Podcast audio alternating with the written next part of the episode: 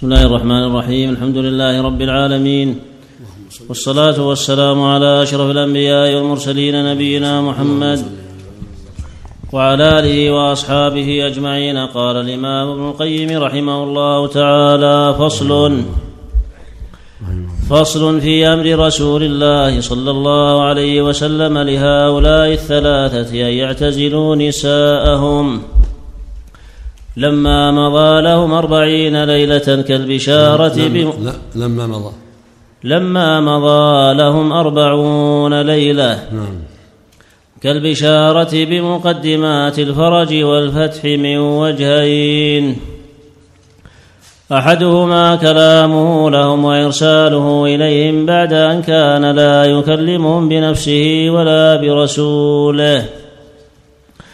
الثاني من خصوصية أمرهم باعتزال النساء وفيه تنبيه وإرشاد له من الجد والاجتهاد في العبادة وشد المئزار واعتزال محل اللهو واللذة والتعوض عنه بالإقبال على العبادة. وفي هذا إيذان بقرب الفرج وأنه قد بقي من العتب أمر يسير.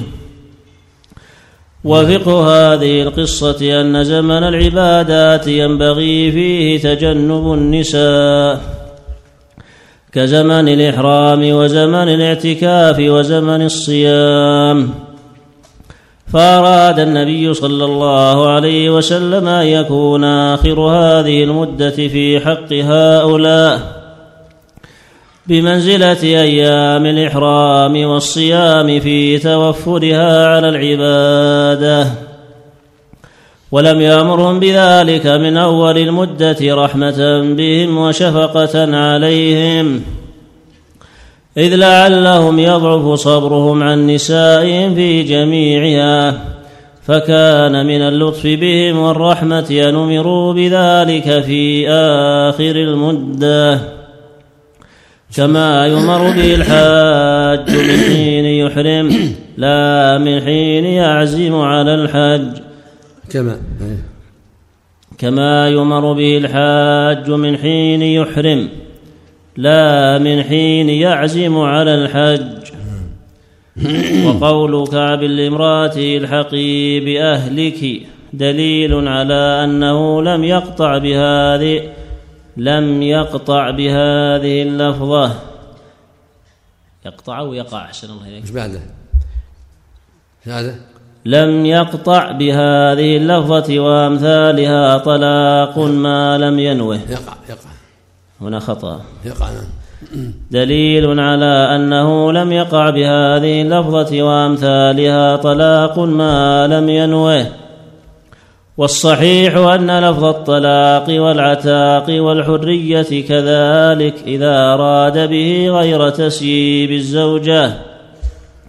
وإخراج الرقيق عن ملكه لا يقع به طلاق ولا عتاق. وهذا الذي ذكره المؤلف رحمه الله استنباط حسن لأن كونه صلى الله عليه وسلم كلمهم بالمراسلة هذا بدء للفرج. أرسل إليهم من يقول من يأمرهم باعتزال نسائهم وهم الثلاثة الذين خلفوا عن غزوة تبوك. هذا إيذان بأن الله جل وعلا قد قرب فرجه وعفوه. وهكذا أمره باعتزال النساء عند الشدة يجب الفرج. فإن مع العسر يسرا إن مع العسر يسرا. فلما اشتد الأمر دل على قرب الفرج. ودل على أن قول الرجل لزوجته الحقي بأهلك أو روحي إلى أهلك أو ما أشبه ذلك إذا لم يقصد به الطلاق لا يكون طلاق. هذه كنايات. إن أراد بها الطلاق وقع بها الطلاق وإن لم يرد شيئا فإن لا يقع بها شيء. هي وأشباهها. اذهبي لأهلك الحقي بأهلك وخذي عن وجهي روحي عني وما أشبه ذلك. هذا كله الذي يقصد به الطلاق فهو من الكلام الذي يقع على الألسنة من غير قصد الطلاق. نعم.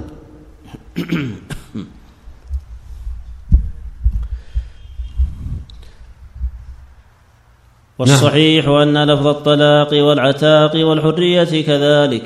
إذا أراد به غير تسيب الزوجة وإخراج الرقيق عن ملكه لا يقع به طلاق ولا عتاق. هذا هو الصواب الذي ندين الله به ولا نرتاب فيه البتة. وهذا قول أهل العلم. قول أهل العلم أن الكنايات الألفاظ اللي من صريحة. يرجع فيها إلى النية في الطلاق والعتاق. وغيرهما. فإذا قال لرقيقه وخل عن وجهي أو روح عني أو فارس أو ما أشبه هذا مو معناها العتق معناه أمر آخر. وهكذا إذا قال للزوجة فارزي وخل عن وجهي أو روح هلس وما أشبه نعم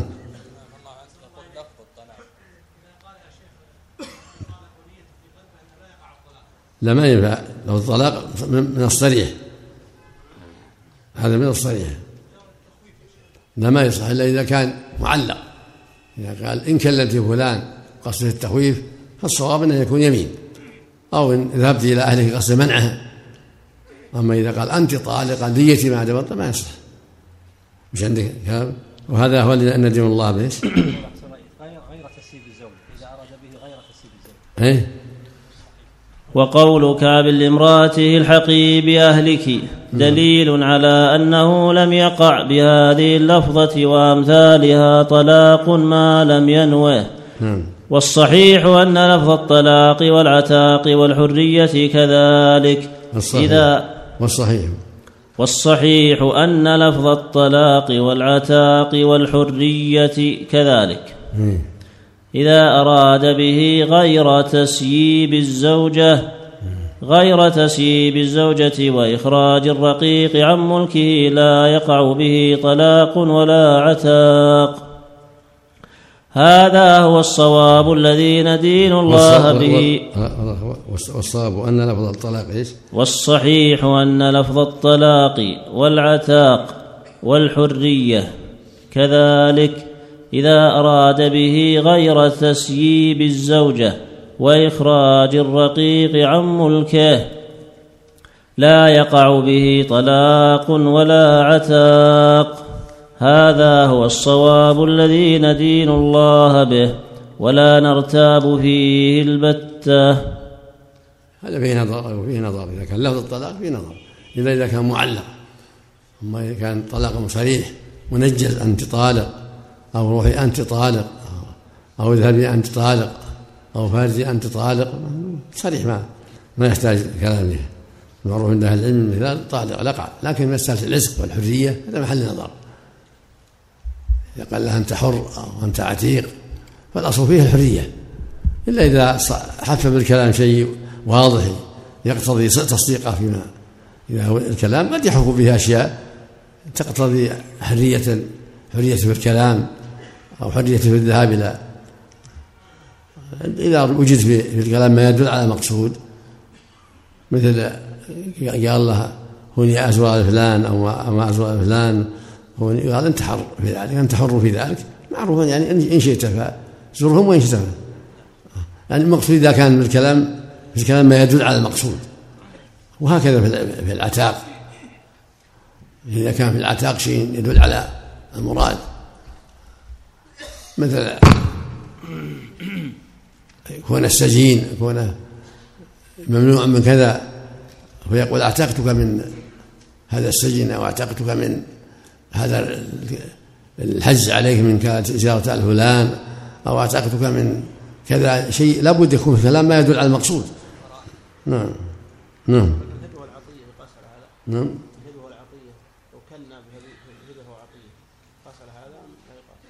محل نظر. نعم. نعم. أراد به غير تفسير الزوجة. نعم. يعني غير غير تفسيرها غير طلاقها نعم. نعم. مرجوح يعني أحسن الله إليك. نعم. أقول كلام المؤلف هنا مرجوح. نعم. على إطلاقه فيه نظر. على إطلاقه فيه نظر. إلا بالقرائن. إلا مسألة الطلاق. نعم. في الطلاق. لا شك انها كلام الطلاق. انه مرجوح. مرجوح. نعم. الطلاق ما يراد به إلا الطلاق. نعم. مع الزوجة. نعم. نعم. نعم. نعم. فإن قيل له إن غلامك فاجر أو جاريتك تزني فقال ليس كذلك. فإن قيل. فإن قيل له إن غلامك فاجر أو جاريتك تزني إن إن. إن غلامك فاجر. أو جاريتك تزني. إن غلامك فا فاجر. إن.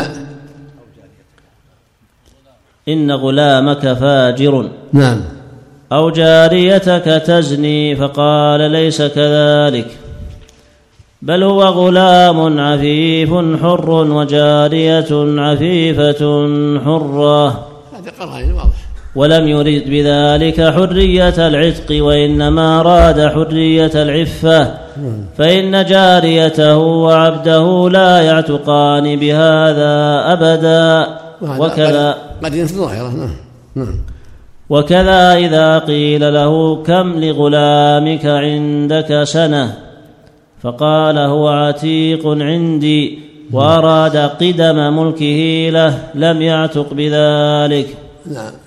يقول صلى الله عليه وسلم إنما الأعمال بالنيات وإنما لكل امرئ ما نوى. نعم. إذا الكلام محتمل. نعم.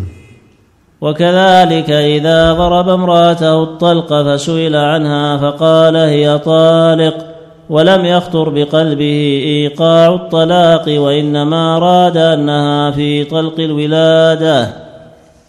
لم تطلق بهذا. وهكذا وهكذا.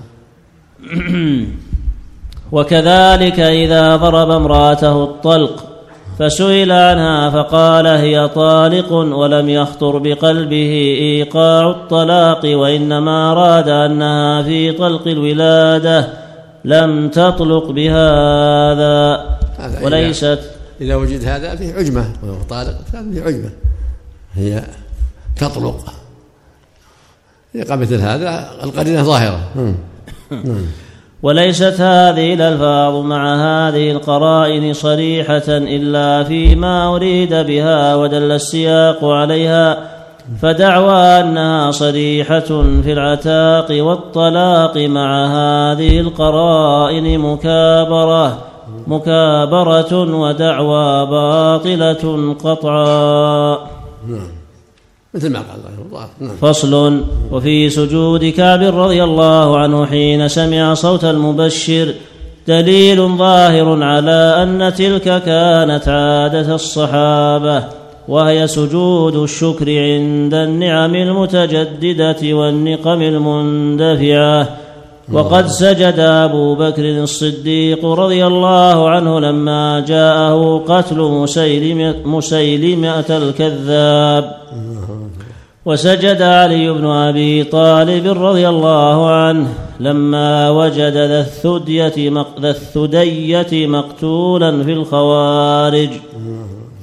وسجد رسول الله صلى الله عليه وسلم حين بشره جبريل أنه من صلى عليه مرة صلى الله عليه بها عشرا.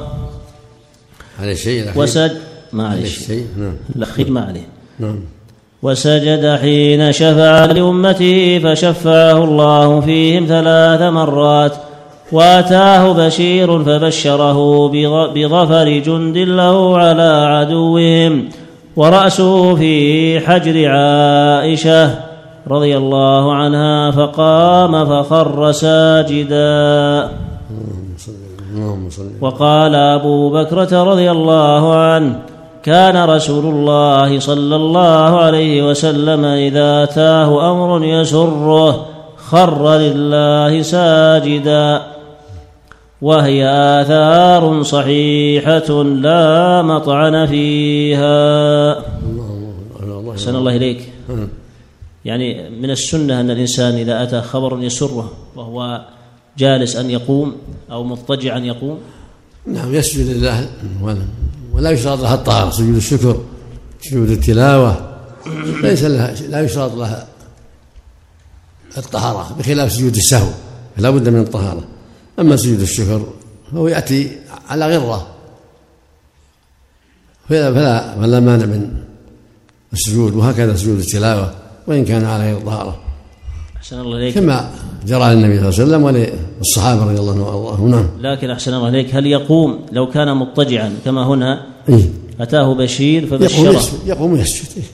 لكن لو كان مثلا جالسا أو مضطجعا إيه؟ إيه؟ ما يعني يستوي جالسا ويسجد الظاهر قام يعني قام من من, بس. هم مقصوده انه قام واجب يعني قام من مضطجعة وسجد لله شكرا نعم. ما جاء عن عائشة أحسن الله إليك أن الإنسان إذا أراد أن يسجد للتلاوة أيضا أن الأولى أن يقوم ثم يسجد عن قيام. المعروف أنه كان يسجد وهو جالس عليه الصلاة والسلام. نعم. الخضور ما يكون من قيام نعم. الخضور ما يكون من قيام. ويخرون للأذقان. ما هو بلازم. ما هو بلازم القيام إذا تلاه وهو جالس سجد وهو جالس وإذا تلاه وهو قائم خر ساجدا نعم. يعني من قال بهذا ما ليس على قول ما. لم ما لم دليل واضح على هذا نعم. أحسن الله إليك. وفي استباق صاحب الفرس والراقي على سلع وفي استباق صاحب الفرس والراقي على سلع ليبشرا كعبا دليل على حرص القوم على الخير واستباقهم إليه وتنافسهم في مسرة بعضهم بعضا. اللهم ارضى وهكذا شأن المؤمنين. ينبغي يكون هكذا أن يتسابقوا في ما ينفعه ينفعهم وأن يبشر بعضهم بعضا بالخير وأن يسره ما يسر أخاه وأن يحزنه ما يحزن أخاه. كما قال تعالى والمؤمنون والمؤمنات بعضهم أولياء بعض الله أكبر. نعم. وفي نزع كعب رضي الله عنه ثوبيه وإعطائهما للبشير دليل على أن إعطاء المبشرين من مكارم الأخلاق والشيم وعادة الأشراف. وقد أعتق العباس رضي الله عنه غلامه لما بشره أن عند الحجاج بن علاط من الخبر عند رسول الله أن عند الحجاج بن علاط من الخبر عن رسول الله صلى الله عليه وسلم ما يسره. وفيه دليل على جواز إعطاء البشير جميع ثيابه. وفي نعم. إذا كان عنده ما يستر عورته نعم. نعم. اللهم المستعان. وفيه دليل على على استحباب تهنئة من تجددت له نعمة دينية والقيام والقيام إليه إذا أقبل كما فعل طلحة. ومصافحته. كان كما قام على طلحة. فإنه قام من الحلقة حلقة النبي صلى الله عليه وسلم وقابل كعبا وصافحه وهناه بتوبة الله عليه. اللهم أحسن الله إليكم. الجاليات يسلم الرجل. فإذا نطق بالشهادتين قام الحضور فسلموا عليه وهنئوه بالإسلام. هذا من هذا الباب؟ هذا من هذا الباب نعم. كعب استعار ثوبين. أيوة لبسهما نعم. كان ما عنده شيء يعني. واثق ان الثياب متيسرة العارية. واثق. نعم. والقيا وفيه دليل على استحباب تهنئة من تجددت له نعمة دينية والقيام إليه إذا أقبل ومصافحته فهذه سنة مستحبة وهو جائز لمن تجددت له نعمة دنيوية. وأن الأولى أن يقال له ليهنك ما أعطاك الله وما من الله به عليك ونحو هذا الكلام. فإن فيه تولية النعمة ربها والدعاء لمن فإن فإن فيه تولية النعمة ربها والدعاء لمن نالها. فإن فيه فإن فيه تولية النعمة ربها. تولية؟ نعم. مم. تولية النعمة ربها. مم. والدعاء لمن نالها بالتهني بها. نعم نعم. وفيه دليل على أن خير أيام العبد على الإطلاق وأفضلها يوم توبته إلى الله وقبول الله توبته.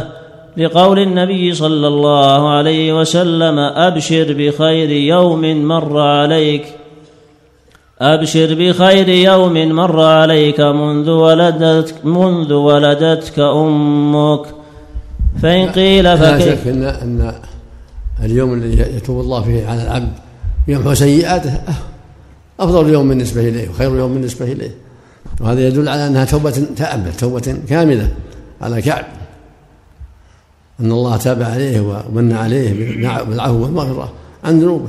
الله أكبر. نعم.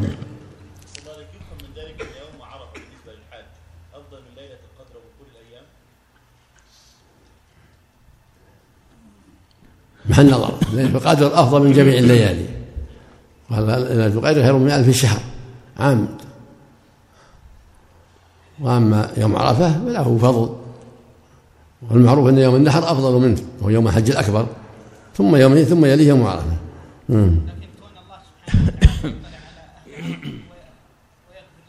ويباهي بهم ملائكته.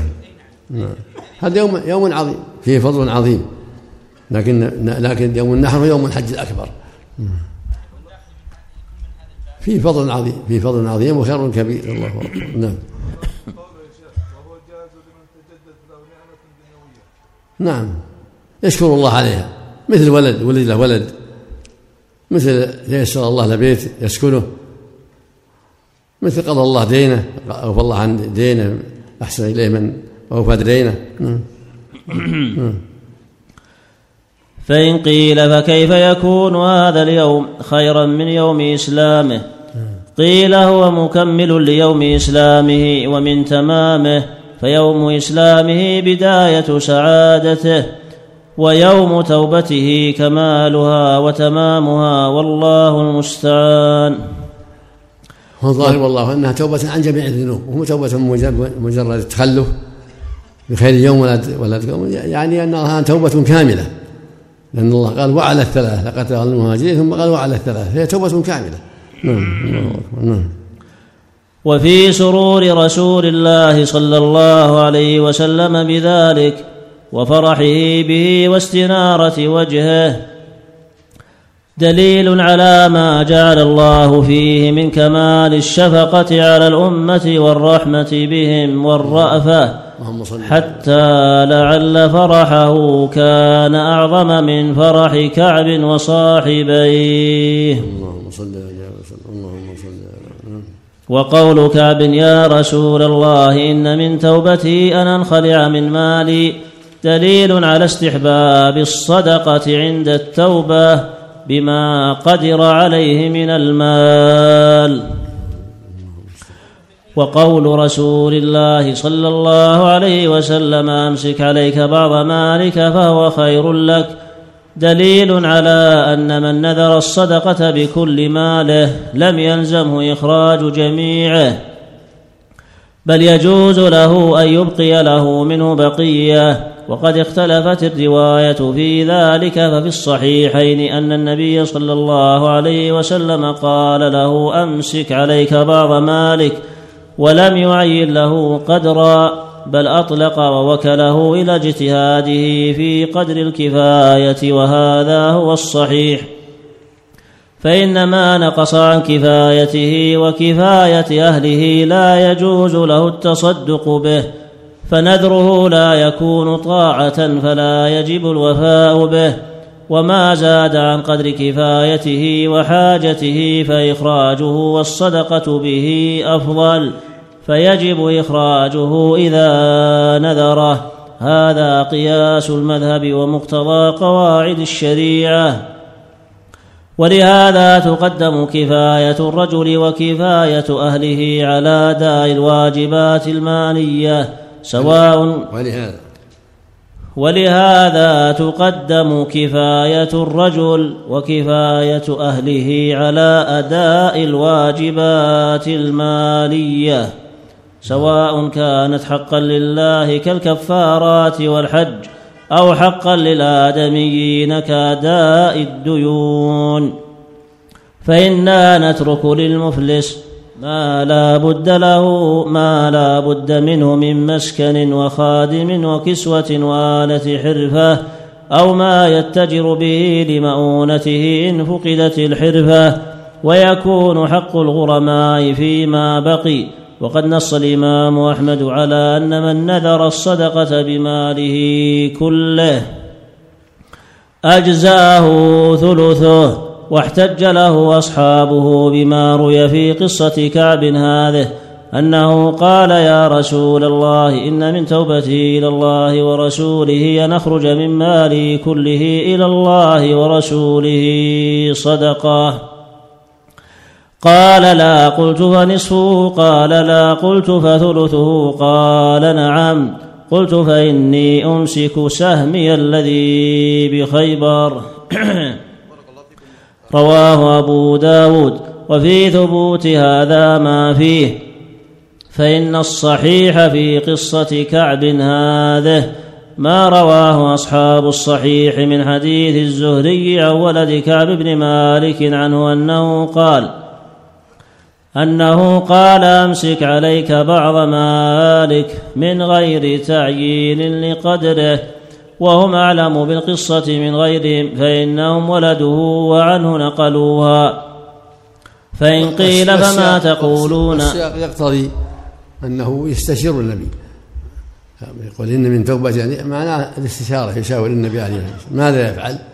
وأنه رأى من توبته يأخذ من ماله. فقال النبي أمسك عليك بعض مالك فهو خير لك. والمراد أمسك ما, ما يقوم بحاله. أمسك عليه بعض مالك ما يقوم بحاله ويسد حاجته. وفي قصة أبي لبابة ما يأتي نعم فإن قيل يأتي يأتي الكلام كمل كلام فما تقولون فيما رواه الإمام أحمد في مسنده أن أبا لبابة بن عبد المنذر لما تاب الله عليه قال يا رسول الله إن من توبتي أن أهجر دار قومي وأساكنك وأن أنخلع من مالي صدقة لله عز وجل ولرسوله. فقال رسول الله صلى الله عليه وسلم يجزئ عنك الثلث. حاشية. نعم. أخرجه الإمام أحمد والدارمي ورجاله ثقات.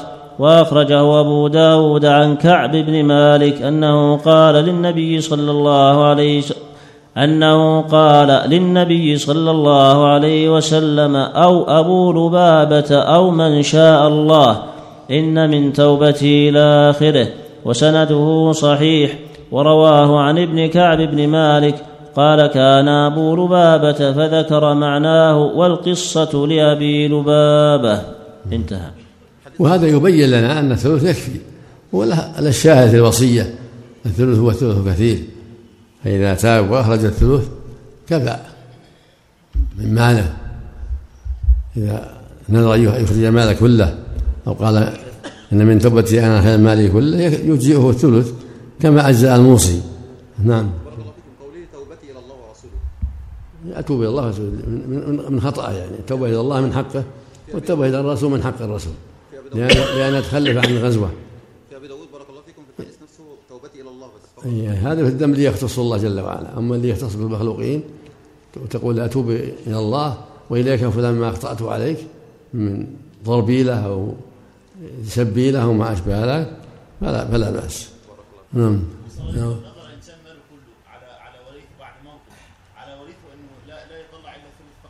نعم هذا هذا مقتضى أما أمر به النبي صلى الله عليه وسلم أبا لبابة.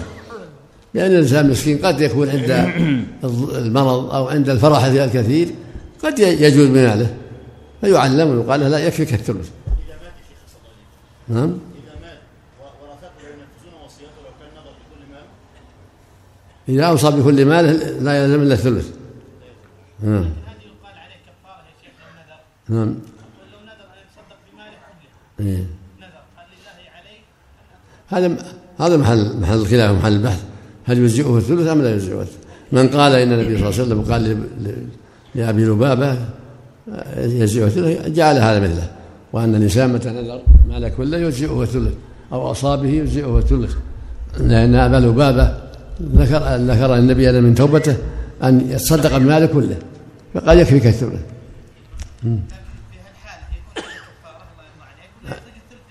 يكفي الثلث نعم. يكفي الثلث نعم. أحسن الله إليكم من كان عليه ديون وعنده فلة مثلا تسوى 200 ألف و 300 ألف هل يقال بيع فلتك وسدد دين؟ إذا كان زائدة عن حاجته يس- يتيسر له فلة تكفيه بأقل من ذلك نعم. ينظر ولي الأمر. إذا أحسن الله أما إذا كانت سكن مثله فلا. يحسن بعسارة. أحسن الله مم. سيء. مثل مطية مثل مطية الجمال من أول. سوا سوا نعم هل يستحب الله يرضى عليك للرجل ان يخرج صدقه عن كل ذنب يذنبه ويتوب منه؟ إذا تيسر صدقة من أسباب التكفير. من إذا صدقة من أسباب تكفير السيئات نعم. نعم. فقال رسول الله صلى الله عليه وسلم يجزئ عنك الثلث الصدقة تطفئ الخطيئة كما يطفئ الماء النار. نعم. نعم. فقال رسول الله صلى الله عليه وسلم يجزئ عنك الثلث قيل هذا هو الذي احتج به أحمد لا بحديث كعب. فإنه قال في رواية ابنه عبد الله إذا نذر ان يتصدق بماله كله أو ببعضه وعليه دين أكثر مما يملكه فالذي أذهب إليه. أنه يجزئه من أنه يجزئه من ذلك الثلث لأن النبي صلى الله عليه وسلم أمر أبا, أبا لبابة بالثلث وأحمد أعلم بالحديث أن يحتج بحديث كعب هذا أن يحتج بحديث كعب هذا الذي فيه ذكر الثلث إذ المحفوظ في هذا الحديث أمسك عليك بعض مالك. وكأن أحمد رأى تقييد إطلاق حديث كعب هذا بحديث أبي لبابة. وقوله في من نذر أن يتصدق بماله كله أو ببعضه وعليه دين يستغرقه إنه يجزئه من ذلك الثلث دليل على انعقاد نذره وعليه دين يستغرق ماله. ثم إذا قضى الدين أخرج مقدار ثلث ماله يوم النذر. وهكذا قال في رواية ابن عبد الله. هاي سطرين وقوله في من نذر أن يتصدق بماله كله أو ببعضه وعليه دين يستغرقه إنه يجزئه من ذلك الثلث. دليل على انعقاد نذره وعليه دين يستغرق ماله. ثم إذا قضى الدين أخرج مقدار ثلث ماله يوم النذر. وهكذا قال في رواية ابنه عبد الله إذا وهب ماله وقضى دينه واستفاد غيره فإنما يجب عليه إخراج ثلث ماله يوم حنثه يريد بيوم حنثه يوم نذره فينظر قدر الثلث ذلك اليوم فيخرجه بعد قضاء دينه. وقوله أو ببعضه يريد أنه إذا ظاهر السنة أنه يلزمه الثلث وقت, وقت الكلام يجزئه الثلث والباقي لحاجاته ودينه وغير ذلك. هذا ظاهر السنة أنه يجزئه الثلث مطلقا. كالذي أوصى ومات له وصية الثلث والباقي لورثه. لكن أحسن أما هذا النادر هذا أوجب على نفسه. الوصية اختيارية ليس له يوصي إلا بالثلث بعد الدين. أما هذا في صحة حياته نذر أن يصدق بماله فيجزئه الثلث. لأن النذر واجب من يطيع الله فليطيعه. ومن رحمة الله أن أجزأه الثلث وصار الباقي يبقى في ملكه. يصدق منه ويوفي منه الدين وينفق على منه على حاجاته. لكن أحسن الله إليك لو كان الثلثان لا يفيان بما عليه من الديون. ولو ينفذ الثلث إلا من قال إنه يحجر عليه بمجرد كون ماله لا يقابل ديونه وأن الحجر عليه يكون بنفس قلة المال لا بحجر الإمام. وإلا فلا فثلثه يكفي ثلث ماله الذي الذي عنده وقت النذر يكفي والباقي يكون لحاجاته ودينه وغير ذلك. أحسن الله إليك. ما اختار شيخ الإسلام أن الإنسان إذا أوقف وعليه ديون أن هذا الوقف لا ينفذ ولا يجرى حتى هذا مبني على الحجر مبني على أن أن الحجر يكون بنفس الإعسار وإن لم يحجر عليه القاضي وظاهر السنة وظاهر الأدلة الشرعية أنه لا حجر عليه إلا بعد حجر القاضي. لكن أحسن الله إليك. لو قيل إنه يسدد الديون التي عليه ثم بعد ذلك ينظر في المال الباقي. هذا معنى هذا ما كان معنى كلام المؤلف. حمل كلام أحمد على هذا. كلام أحمد حمل على هذا. لكن أهل السنة خلاف ذلك. لكن أحسن هو قال يوم يوم نذر السنة خلاف ذلك. قال يوم نذره أحسن الله إليك. نعم. قال يوم نذره أخرج مقدار ثلث ماله يوم النذر. هذا كلام أحمد. يحكي عن أحمد يعني. بعد وفاء الدين. يعني بعد وفاء الدين. نعم يكون الصواب يا شيخ اخراج الثلث اولا ثم القضاء الدين يكون الثلثين لحاجاته ودينه وكل شيء. لكن اولا يخرج الثلث نعم. يعني اللي يظهر لكم أحسن الله إليك أنه يجب إخراج ثلث جميع المال. نعم. حين النذر. حين النذر. نعم. ثم الباقي يكون في حاجاته وديونه. أحسن الله إليك. يعني ما يقدم عفى الله عنك وفاء الدين ولو كان يستغرق ماله. اللي ما حجر عليه لم يحجر عليه. نعم. نعم. لكن أحسن الله إليك يعني قواعد الشريعة العامة مسألة الديون وحقوق الناس أليست مقدمة؟ ما لي. الرسول ما استفسره. ما قال عليك دين ولا ما عليك دين قال يكفيك الثلث ولا يستفسره. أحسن الله إليك. ترك الاستفصال من وقت مع الاحتمال ينزل منزلة العموم. فقال وقال لكعب أمسك عليك بعض مالك فهو خير لك. نعم. لكن ما يقال أنه كان يعلم حال كعب وما لا حديث أبي لبابة اصلح حديث أبي لبابة اصلح في الموضوع. اصلح في الموضوع. أحسن الله إليك. وقوله أو ببعضه يريد أنه إذا نذر الصدقة بمعين من ماله أو بمقدار كألف ونحوها فيجزئه ثلثه كنذر الصدقة بجميع ماله والصحيح من مذهبه لزوم الصدقة بجميع المعين وفيه رواية أخرى أن المعين إن كان ثلث ماله فما دونه لزمه الصدقة بجميعه. وإن زاد على الثلث لزمه منه بقدر الثلث وهي أصح عند أبي البركات والصواب أنه يجب عليه ما نذر لأن الرسول قال من نذر أن يطيع الله فليطيعه ومن نذر أن يعصي الله فلا يعصه. فالحديث عام. إذا كان نذر طاعة نعم.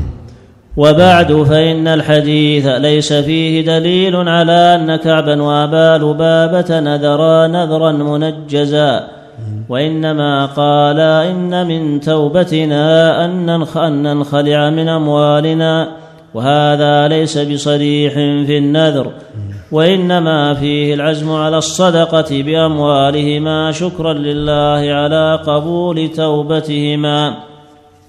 فأخبر النبي صلى الله عليه وسلم أن بعض المال يجزئ من ذلك ولا يحتاجان إلى إخراجه كله. وهذا- وهذا كما قال لسعد رضي الله عنه وقد استأذنه أن يوصي بماله كله فأذن له في قدر الثلث.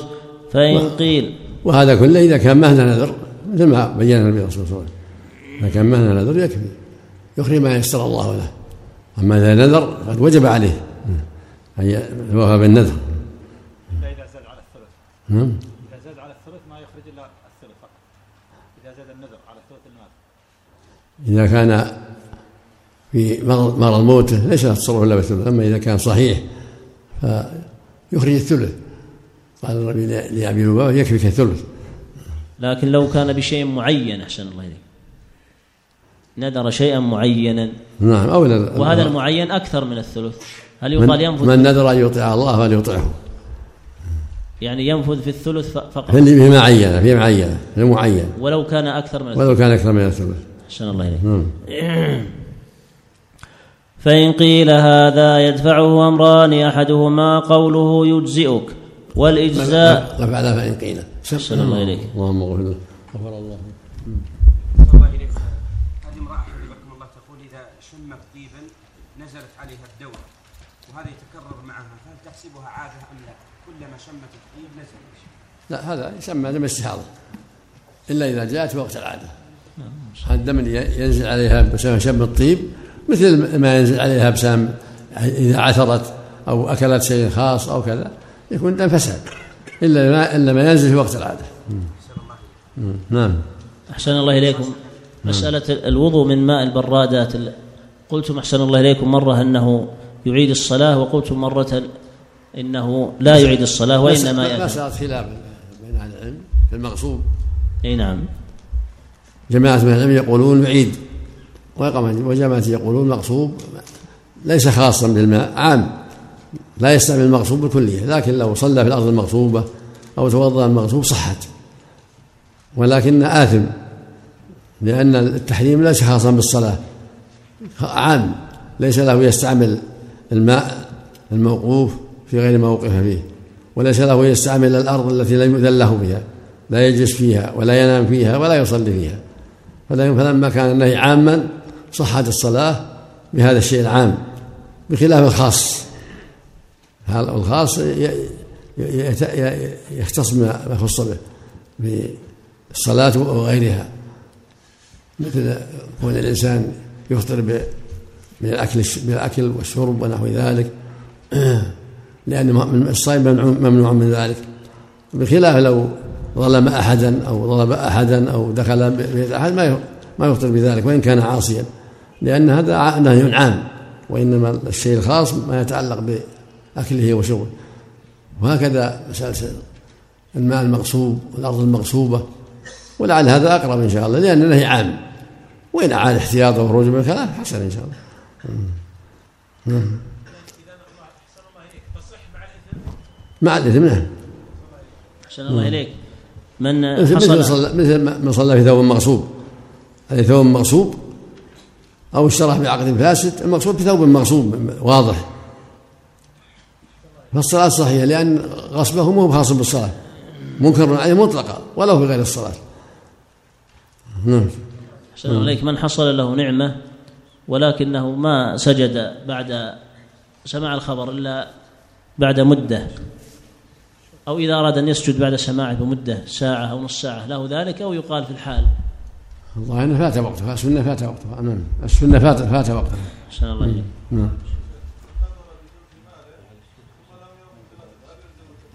نعم.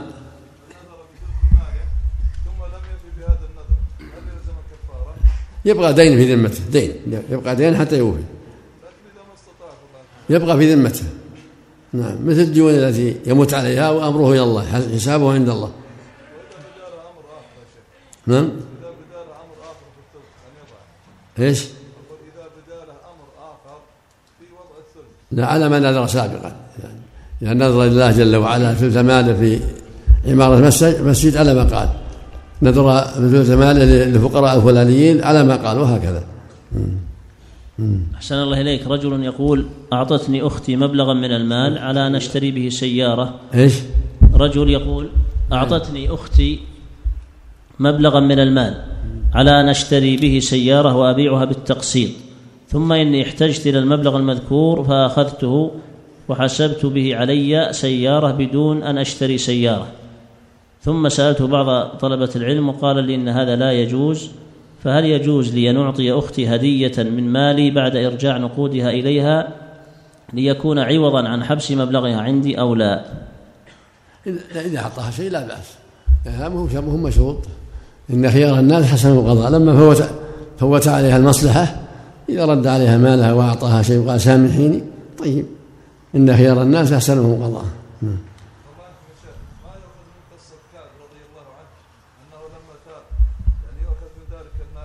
نعم. إيش؟ أقول ما يؤخذ من قصة كعب بن مالك رضي الله عنه؟ آه، أن التاب يعتزل زوجته مؤقتا. لا حسب الأوامر. الرسول أمره. أمرهم كل الثلاثة. نعم أمر الثلاثة جميعا. الشاب والشيخين نعم. نعم. أحسن الله إليك. نعم. بعض الإخوة الحاضرين يقول كانت بيني وبين أحد زملائي خصومة فقلت علي بالحرام أني لا أكلمك مدى الحياة. في وقت آخر. نعم سم.